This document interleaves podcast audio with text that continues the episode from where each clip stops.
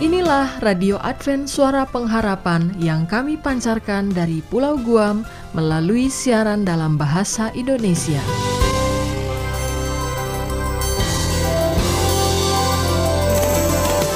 Salam sejahtera kepada saudara pendengar di mana pun Anda berada. Selamat berjumpa kembali dengan kami Radio Advent Suara Pengharapan.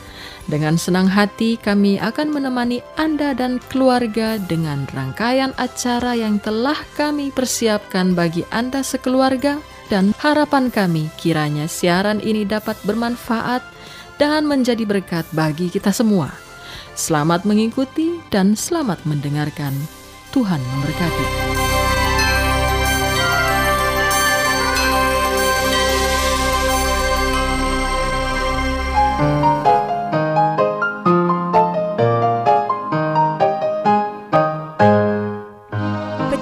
Siaran radio Advent Suara Pengharapan, serta para pendengar di mana pun Anda berada, salam dalam kasih Kristus. Selamat berjumpa kembali dalam program acara komunikasi di dalam rumah tangga. Acara ini sudah dipersiapkan dengan harapan agar dapat menambah wawasan dan pengetahuan bagi rumah tangga serta keluarga Anda masing-masing. Oleh sebab itu, kami dari studio mengucapkan selamat mengikuti.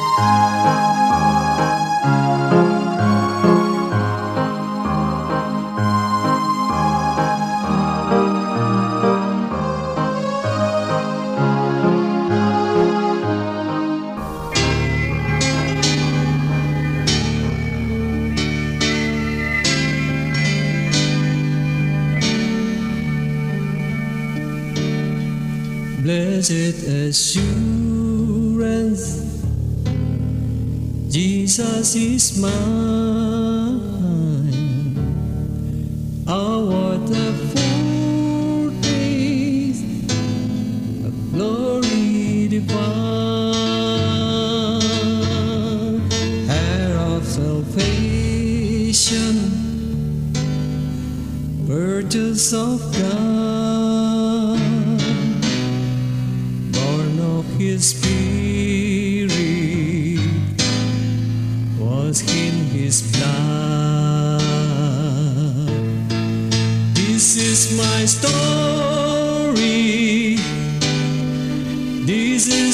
soul.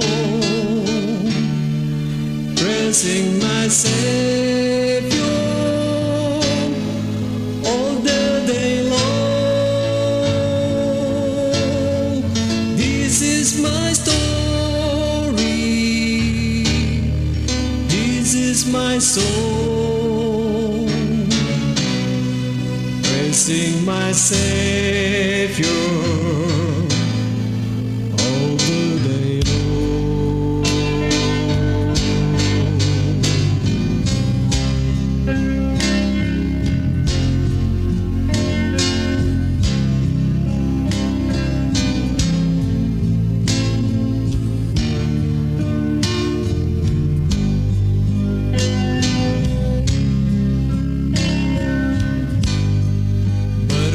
yang tentu. Tuhan janji Yesus menjadi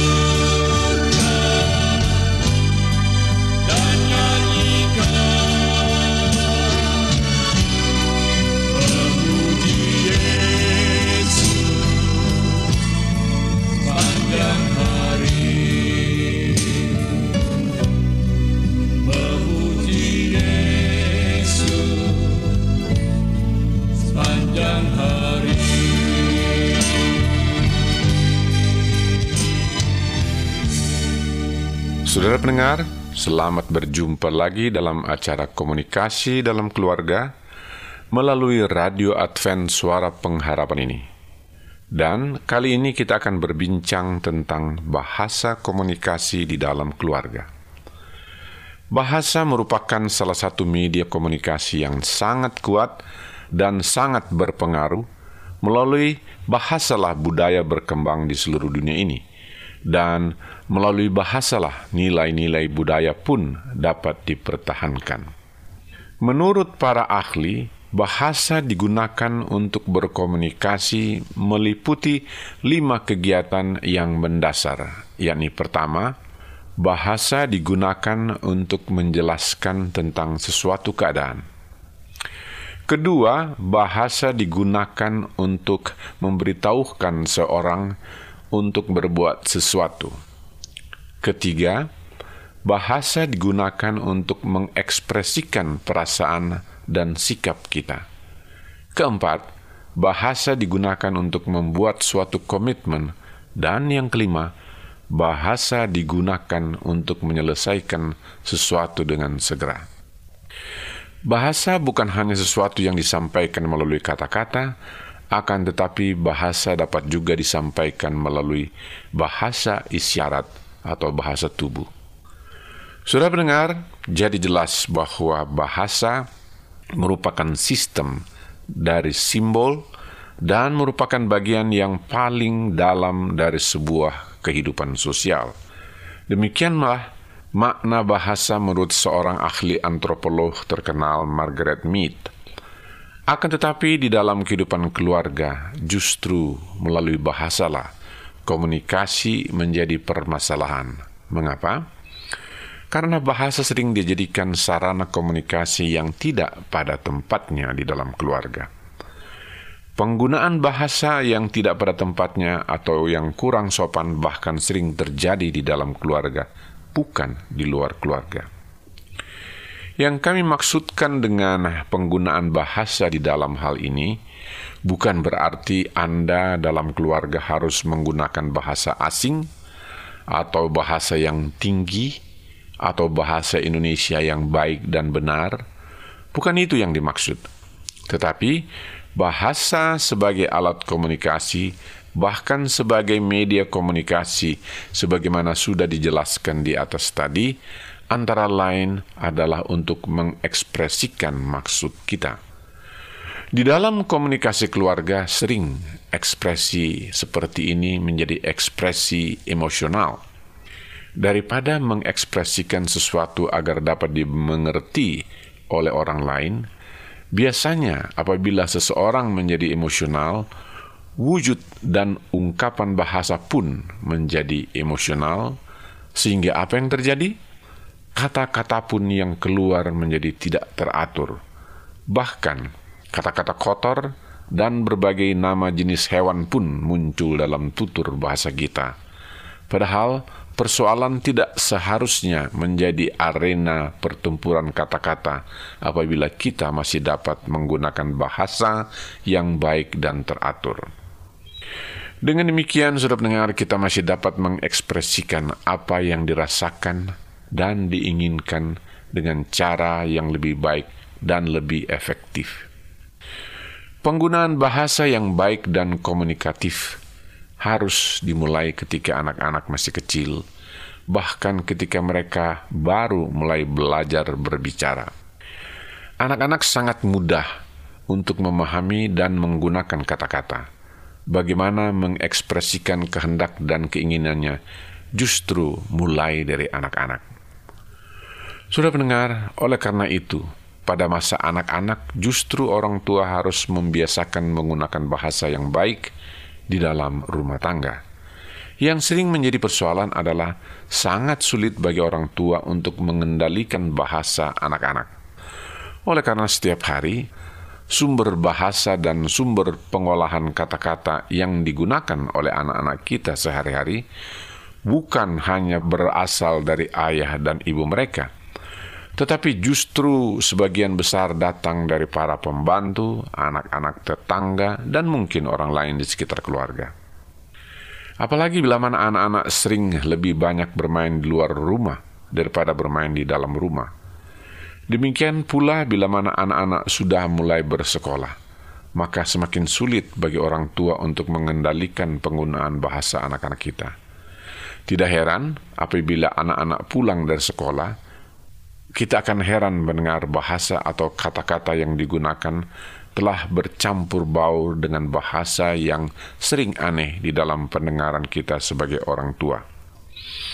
Sudah pendengar, masalah yang lain lagi, yakni pada umumnya keluarga yang tinggal di kota-kota besar seperti Jakarta, Bandung, atau Surabaya misalnya. Misalnya di mana kedua orang tua dari anak-anak harus bekerja, sehingga pergaulan di rumah tangga bersama-sama anak-anak menjadi terbatas, bahkan kadang-kadang sangat terbatas. Sebagaimana sudah dikemukakan tadi, bahwa anak-anak sangat mudah untuk mengadaptasi dan menggunakan kata-kata mereka sendiri yang tentu diajarkan oleh orang-orang yang terdekat dengan anak-anak kita.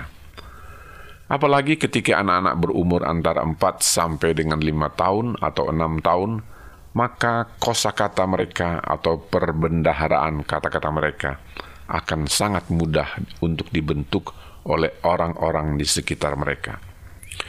Jadi, pada umur-umur seperti itu, apabila anak-anak kita semakin banyak mendengar kata-kata kotor kata-kata yang kurang sopan, atau kata-kata yang tidak pada tempatnya, maka kata-kata itu pula yang terserap di dalam benak mereka.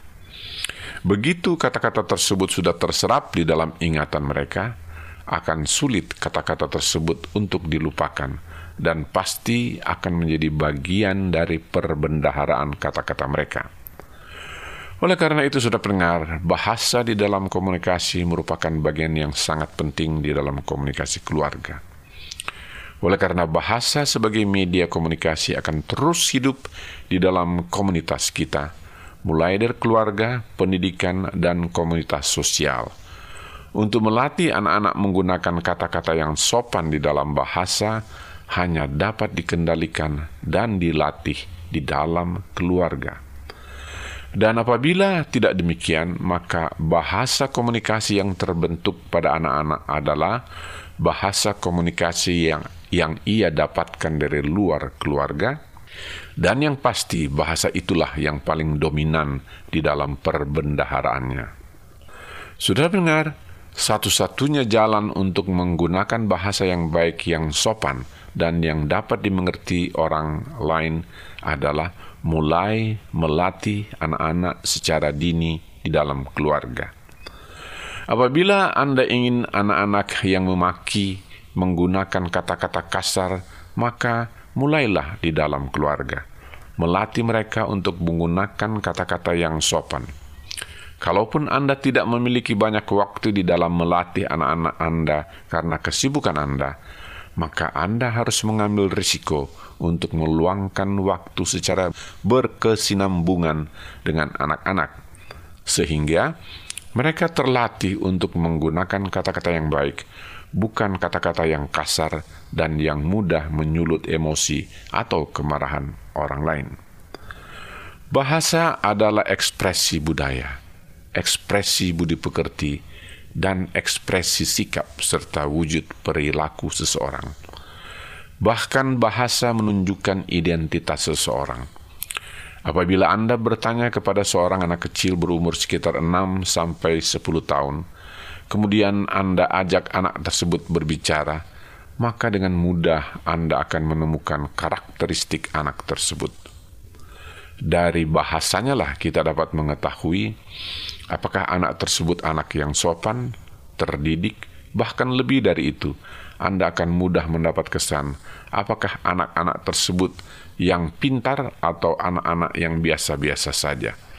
Bahkan dari bahasa kita akan mudah melihat watak dari anak-anak tersebut. Mendidik anak agar menggunakan bahasa yang baik, agar dapat berkomunikasi dengan baik di dalam masyarakat nantinya, jangan kita hanya menunggu dia belajar hal tersebut dari bangku sekolah tetapi sudah harus dimulai di dalam rumah tangga ketika anak tersebut mulai dapat berbicara.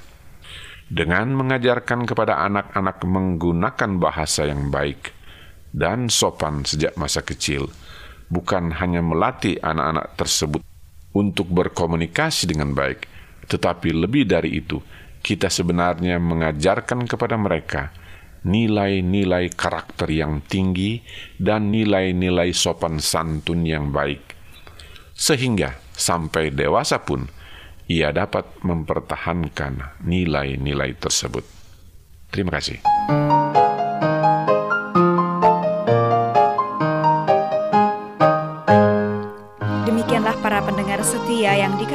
Yesus, program acara di dalam rumah tangga yang baru saja disampaikan. Besar harapan kami program ini dapat bermanfaat untuk kehidupan rumah tangga Anda, sehingga dapat semakin hari semakin mengarah kepada yang lebih baik. Kami yang bertugas dari studio saat ini mohon diri, sampai bertemu kembali pada waktu berikut. Salam dan doa kami mengiringi Anda sekalian, kiranya Tuhan memberkati kita semua.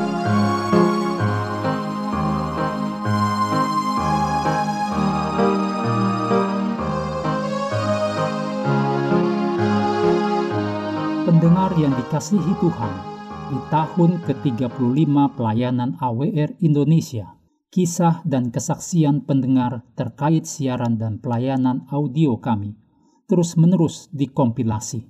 Terima kasih banyak untuk yang sudah menyampaikan dan masih terbuka bagi Anda semua untuk segera SMS atau telepon ke nomor AWR di 0821 1061 1595 atau 0816 1188 302 untuk WhatsApp dan Telegram.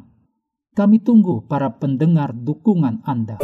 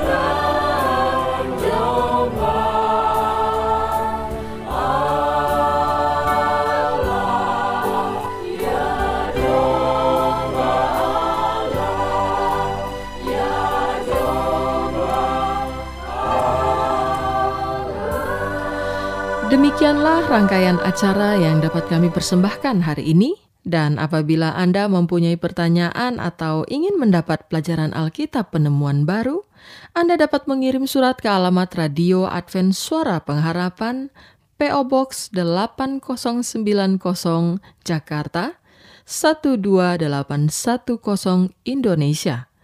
Anda juga dapat menghubungi kami melalui telepon atau SMS di nomor 0821 1061 1595 atau Anda dapat menulis di email kami awrindonesia at yahoo.co.id. Anda juga dapat bergabung di Facebook kami pendengar radio Advent Suara Pengharapan atau di radio Advent Suara Pengharapan. Terima kasih kami ucapkan bagi Anda semua pendengar kami yang setia. Kita akan berjumpa kembali pada waktu dan gelombang yang sama esok hari. Salam kasih dan sejahtera, kiranya Tuhan memberkati kita semua.